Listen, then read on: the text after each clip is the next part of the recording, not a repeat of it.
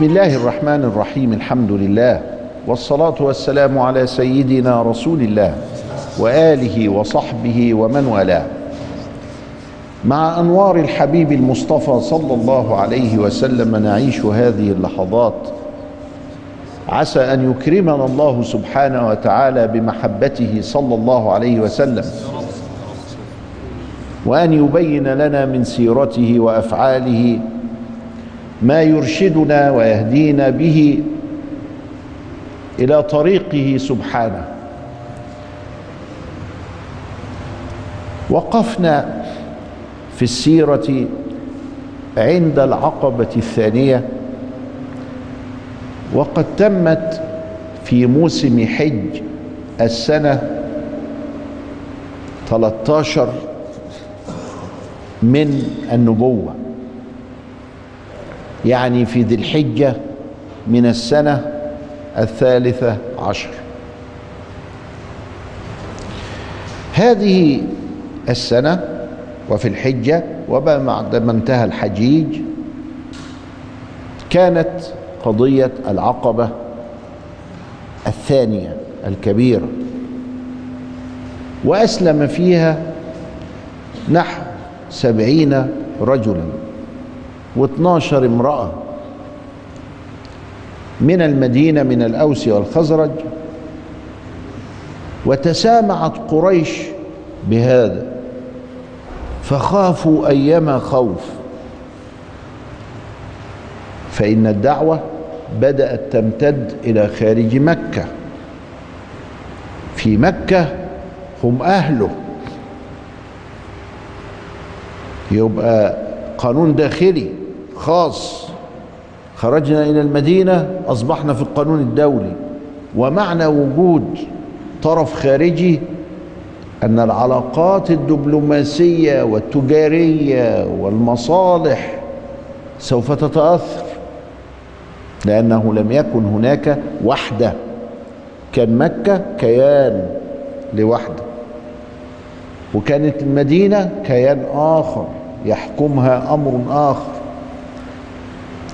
المدينة هي التي تحمي تجارة مكة إلى الشام من قطاع الطريق من الاعتداء عليها من الدخول في مشكلات قانونية يجي ياخد منه البضاعة وما يسددلوش ويقول له والله طب نتحاسب طب نروح بقى عند المحكمين ويطيل عليه الأمد. فيخسر التاجر مصالح من قطع الطريق ومن الاستيلاء ومن الغتاتة ما هو كان في غتاتة آه. مين اللي بيحميهم؟ الأوس والخزرج. يبقى في مصلحة ما بين أهل مكة وأهل المدينة. لأنها في الطريق إلى الشام. طب ما يحلوها ويمشوا بره المدينة. قال يتوهوا. ما هو في طرق كانت معموله ما بين مكة وبين المدينة وما بين المدينة وما بين الشام. كانت معمولة طرق وهذه الطرق عليها محطات للأكل وللشرب وللنوم وتلاقي فيها مكان تنام فيه ومكان تستريح.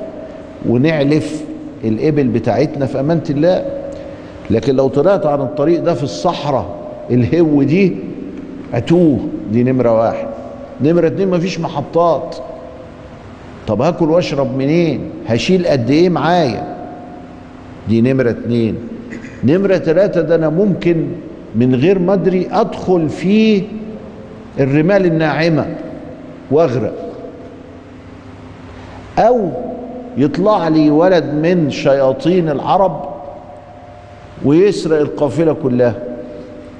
اذا العملية مخوفة فكان لازم المدينة دي مهمة دوروا على حد يكون موجود لقوا كبير المدينة موجود معاه. مين كبير المدينة في الوقت ده؟ عبد الله بن أبي. وعبد الله بن أبي أمه كان اسمها سلول وكانوا ينادوه بامه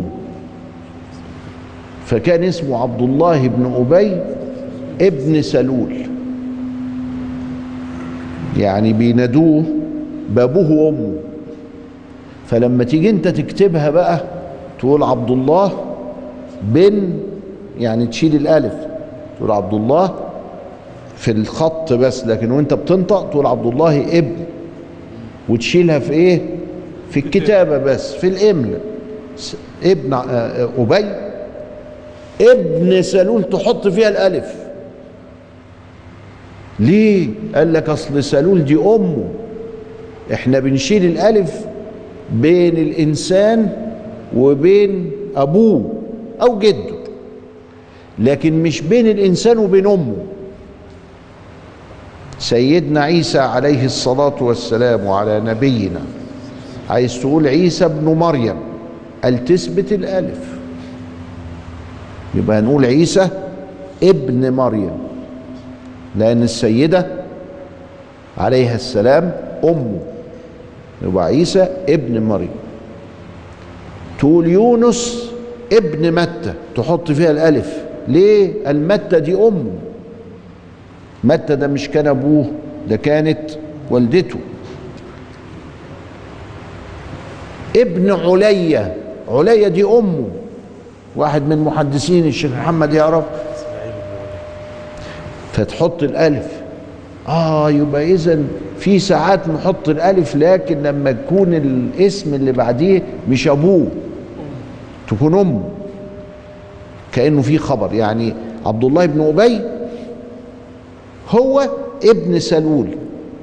ابن أمه اللي هي كان اسمها سلول. لا وعبد الله بن أبي بن سلول. لما تيجي تقرأ هتلاقي في ألف على سلول. وإذا ما لقيتهاش يبقى غلطان. يبقى اللي كتبها غلطان. ما هوش عارف المعلومة دي. طب ماشي. لو لقيناها يبقى فهمناها. لو ما لقيناهاش يبقى غلطان. لأن سلول دي أم. طيب. راحوا. الكبار بقى اللي هم حاقدين قوي على النبي. أبو جهل أمية ابن خلف أبي بن خلف مش عارف مين اللي هم عاشوا وماتوا وهم حاقدين على النبي. غل. جريوا على عبد الله بن أبي بن سلول. انت كبيرهم. قال أيوه في ناس أسلمت من عندك. قال لا ما يكونش.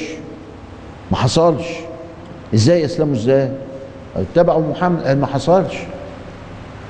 ده أنا الكبير بتاعهم. وهذا أمر لا يكون إلا وعندي منه خبر. مش ممكن أولادي ورعيتي والناس بتوعي يعملوا فيها كده. قالوا له في ناس أسلمت. إحنا عندنا خبر. في ناس جت وقالت كان ناس هناك عند العقبة وقابلوا محمد وكذا إلى غيره. قال الكلام ده كذب. هديوا شوية. راح موسم الحج وربنا هداهم بالكلمتين الغلطانين بتوع عبد الله بن أبي بن سلول اللي ما كانش عارف حاجة. وكانوا بيجهزوه حتى يبايعونه ملكا. عبد الله ولذلك بيقول ده أنا الكبير بتاعهم. خلاص كانوا يقعدوه على كرسي زي كسرى ويعملوه ملك المدينة. ولذلك كان يكره سيدنا قوي عشان الدنيا. وكان حاسس من جواه إن سيدنا ده بتاع ربنا. عبد الله. حاسس من جواه إنه راجل بركة وحاسس من جواه من الحاجات اللي بيشوفها إنه له مكانة عند الله. الغل والحقد هو اللي إيه؟ اللي طلع. أمر الله فيه كده. مسكين. ولذلك لما جه يموت فأرسل إلى سيدنا النبي. قال له ابعت لي العباية بتاعتك عشان يكفنوني فيها. عباية إيه؟ أنت مش بتقول إنه مش نبي؟ لا مش ضروري. ممكن يقول إنه نبي بس أنا زعلان منه. زي بعض الجهلة يقول كده. أنا زعلان من النبي. إزاي؟ ده النبي بتاعك الله يخرب بيتك. زعلان منه إزاي؟ اي عبط. آه ممكن. آه يحدث في الانسان كده. ده معدود من كبار المنافقين. بعد قليل نكمل قصة عبد الله بن أبي بن سلول.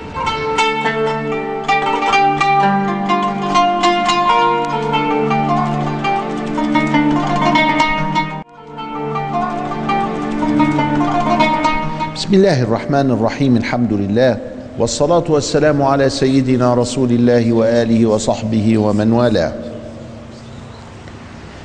ذهب المشركون بأئمتهم أبو جهل وأبي وأخوه وكذا إلى آخره إلى عبد الله بن أبي بن سلول وسألوه إذا ما كان قد أسلم من قومه رجال ونساء لخطورة ذلك. فأكد لهم أنه لم يحدث واطمأن المشركون بذلك أياما. فانصرف الحجيج. يبقى إحنا بقينا دلوقتي في 15 الحجة 20 الحجة الناس بقت تروح. بعد الحج الناس بتروح بلادها. بما فيهم الوفد المدني. كانوا ساعتها بقى مش اسمها المدينة. اسمها يثرب. فكان يقولوا اليثربيون. انصرف اليثربيون. من يثرب يعني؟ يثرب اللي هي بعد كده بقى بحلول سيدنا فيها سميت بمدينة رسول الله ثم اختصر الكلام مدينة. مدينة رسول الله. بقت اسمها المدينة وأصبحت علما. أول ما تقول أنا رايح المدينة يعني رايح لسيدنا صلى الله عليه وسلم. وبتوع النحو يقولوا إيه؟ والصرف. الألف واللام عوض عن مضاف إليه.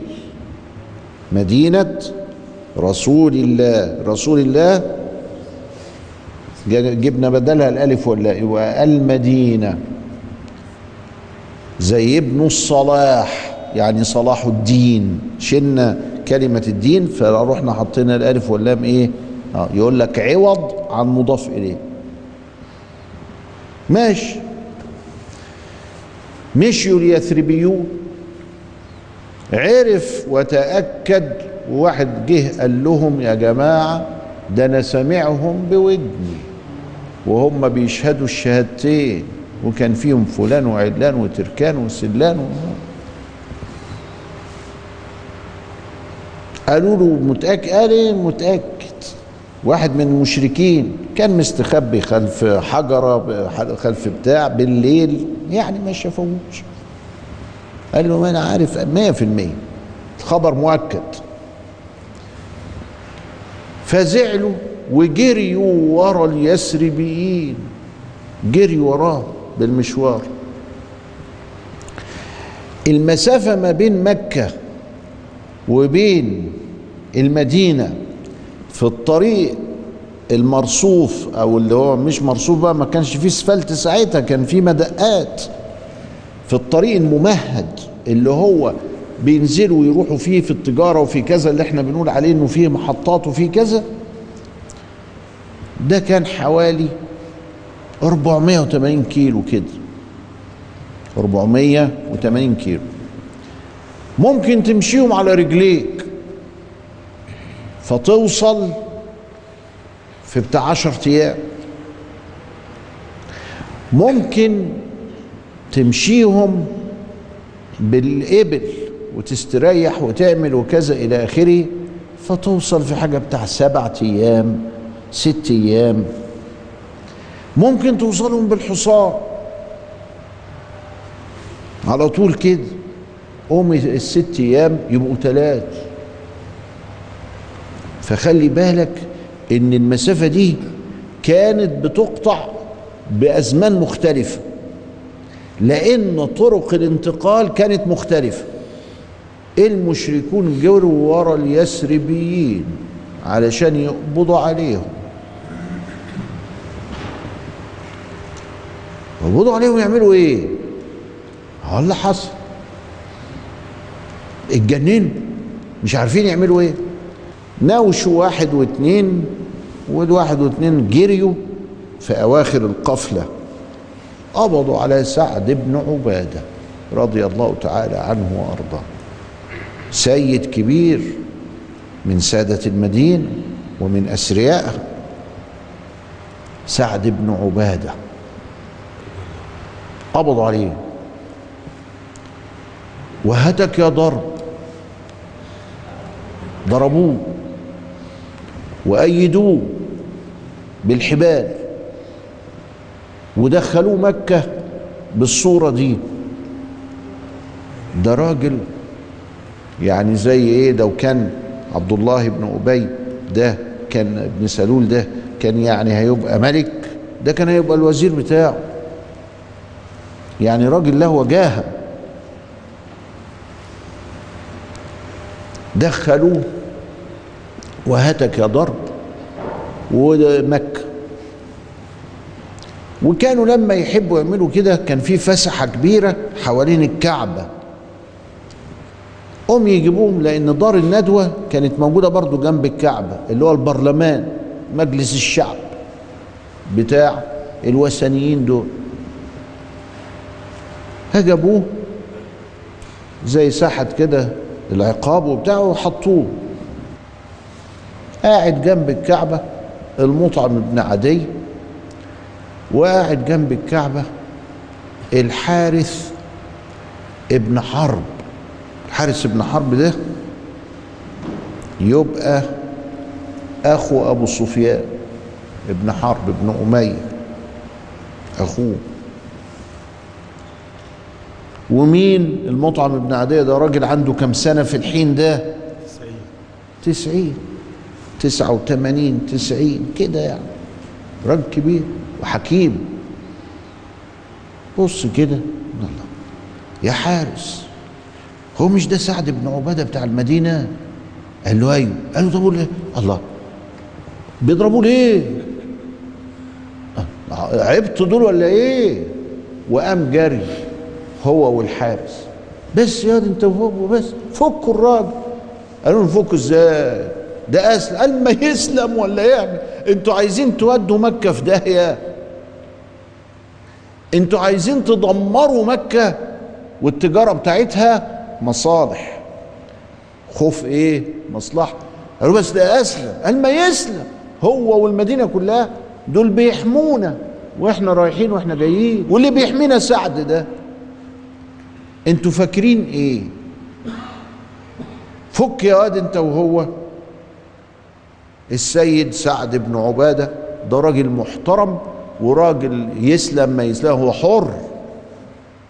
لأنه مصالحنا عنده. ففكوه. الحارس بن حرب بن أمية وكان معاه مين بقى؟ المطعم بن عدي. في بدر بقى سيدنا قال إيه؟ والله لو أن المطعم بن عدي كان حيا وكلمني في هؤلاء النتنى لأعطيتهم له. كان يحبه هو مات مشركا مات مشرك لكن كان عاقل. كان النبي يحب العاقل ويحلف إنه والله لو إن المطعم كان حي وقال لي سيب الخلق ده اللي جايين يضربونا دول وأثرنا منهم سبعين واحد لكنت بعتهم له. لأنه عمل مواقف جدعانة كتير مع مع المسلمين. ليه؟ لأنه كان عاقلا. المهم الحاصل إنهم أطلقوا سعد بن عبادة. ده يبين لك إيه بقى في المجتمع المكي؟ إن الناس دي بتطاوع الكبار. وإن الكبار لما بينصحوا بينصحوا صح. يبقى الكبير مش كذاب. هوش كذاب. ما ينفعش. والصغير بيسمع كلام الكبير اللي مش كذاب. إنما الكبير لو كان كذاب والصغير ما بيسمعش كلامه لأنه يبقى مش هتنفع. مش هتنفع من أولها. لما أنت البعيد كذاب يا كبير وأنت يا صغير بتتحجج وبتقول أهو الكبير كذاب أطوعه؟ قلت له لا ما تطوعوش ما هو كذاب. ينفرط المجتمع. شوفوا المكويه اللي هم المشركين يعني يعني الوثنيين. عقلاء. ما هو الاجتماع البشري مبني على كده. إن الكبير يكون صادق مخلص النصيحة المطعم بن عدي الحارس بن حرب وإن التانيين يطوعوا فورا. كده؟ طيب. زي ما تقول. لأن دي كانت قايل من قلبه وقايل صح ومش كذاب. طلع سيدنا سعد بن عبادة وراح لحق بأصحابه عند قباء عند بقى المكان اللي هو قبة ده اللي هو فيه دلوقتي مسجد قبة ما كانش لسه المسجد اتعمل. حصلهم. الله حصلهم إزاي؟ لما هم قبضوا عليه ورجعوا بيه. و... آه ما هي في فرق في إيه؟ في الانتقالات. تلقى ركب فرس وميلحقه وده غني يقدر يشتري الفرس وهو قاعد ويقدر يأجره لأنه له وجاه. إلى لقاء آخر أستودعكم الله والسلام عليكم ورحمة الله وبركاته.